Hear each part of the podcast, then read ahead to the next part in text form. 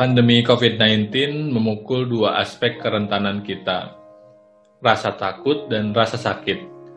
Takut akan kematian, takut akan terinfeksi, dan takut akan ketidakpastian di masa depan, serta rasa sakit berjuang untuk sembuh, rasa sakit kehilangan orang yang kita sayang, atau bahkan rasa sakit kehilangan pekerjaan sementara beban terus menumpuk. Dengan dua hal itu, kadang kita bereaksi overreaktif didorong oleh kecemasan. Padahal sikap overreaktif lebih sering justru menambah masalah. Lalu bagaimana caranya tetap mindful ketika situasi sedang tidak baik-baik saja?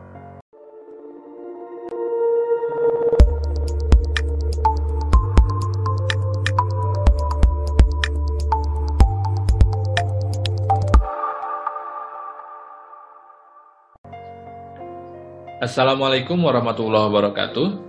Sebagian dari persoalan yang kita hadapi di tengah pandemi berasal dari sikap overreaktif kita atas sesuatu. Misalnya, tisu toilet yang ludes ketika pemerintah Australia mengumumkan akan lockdown 14 hari di Melbourne. Atau harga masker yang melonjak seiring tidak seimbangnya permintaan dengan stok barang yang tersedia di pasaran, Salah satunya karena diborong mereka yang terlalu panik sehingga lupa bahwa yang terancam karam bukan hanya dirinya. Di sisi lain, pandemi juga bikin anxiety. Salah satunya disebabkan karena kecemasan akan masa depan yang serba tidak pasti. Sebagian orang memutuskan bunuh diri dengan tekanan yang dihadapi belum termasuk kekerasan dalam rumah tangga yang juga mengalami kenaikan sebagai ekses, salah satunya ketidakmampuan untuk tetap mindful menghadapi tekanan yang rasanya seperti tidak akan berkurang. Karena itu, penting bagi kita, sebagaimana disampaikan Ratih Arum di buku Fat and Pandemic, untuk membangun resiliensi psikologis menghadapi situasi yang berat yang tidak baik-baik saja. Nantinya, jika dengan resiliensi tersebut kita bisa mengalahkan pertandingan super berat melawan COVID-19 dan dampak multidimensinya ini, kita mungkin akan menjadi pribadi yang lebih kuat. Kata Viktor Frank, cobaan yang menyiksa bukanlah suatu aib dan bukan sesuatu yang mesti dihindari. Jangan-jangan ia adalah sesuatu yang mesti dirangkul dalam proses kita menemukan makna. Kebahagiaan, kata dia, bukan berarti ketiadaan rasa sakit dan atau rasa takut. Melainkan kemampuan kita untuk berdamai dengan dua perasaan itu, menerima keduanya sebagai bagian tak terelakkan dari kodrat hidup. Agar kita mampu menerima rasa sakit dan rasa takut sebagaimana adanya, kita perlu mindful. Menjadi mindful bukan berarti menapikan cobaan berat dan ketakutan yang kita rasakan di situasi serba tak pasti ini. Menjadi mindful adalah menerima rasa sakit dan rasa takut itu tetapi tidak membiarkan keduanya menghancurkan kita.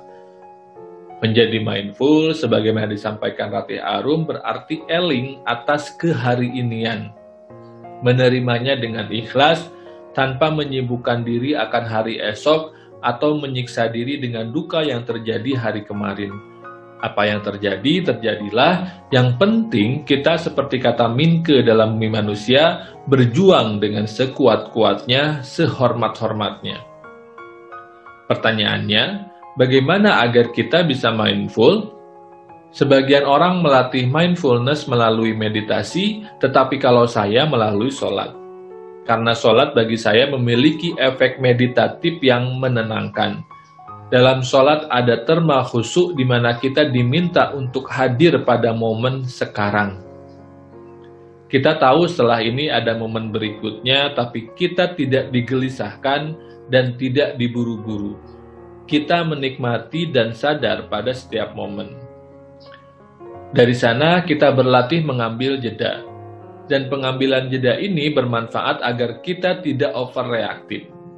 Ketika ada impuls, kita menaruh jeda untuk menganalisa impuls dan memetakan strategi respon paling tepat. Awal-awal mungkin sulit, akan kelupaan, jeda yang diambil mungkin akan lebih lama, tidak apa-apa. Lama-kelamaan proses analisis kompleks di masa jeda tersebut akan lebih cepat. Tidak ada yang menginginkan pandemi dan krisis, tapi sejarah membuktikan bahwa pandemi bisa jadi merupakan salah satu cara alam mencapai keseimbangan baru. Dalam proses alam beradaptasi, kita dilatih dengan kondisi tak pasti dan tekanan yang berat, yang jika kita survive, salah satunya dengan melatih mindfulness, kita mungkin juga akan mencapai keseimbangan psikologis dan kematangan yang baru. Semoga. Terima kasih sudah mendengarkan atau menonton program Fate and Pandemic. Program ini didukung penuh oleh pemerintah Australia melalui skema hibah alumni Australia atau Australian Alumni Grant Scheme yang diadministrasikan oleh Australia Awards di Indonesia. Dengerin juga kajian keislaman lainnya di podcast Ren. Cek playlist kami kalau kamu bingung mau dengerin tema kajian yang mana. Ala kulihal, kamu bisa banget berbagi pengalaman keberagamaanmu selama COVID-19 dengan menuliskannya di kolom komentar. Dukung kami dengan klik suka dan subscribe. Jangan lupa tekan lonceng biar kamu nggak ketinggalan kajian kami lainnya. Terima kasih. Wassalamualaikum warahmatullahi wabarakatuh.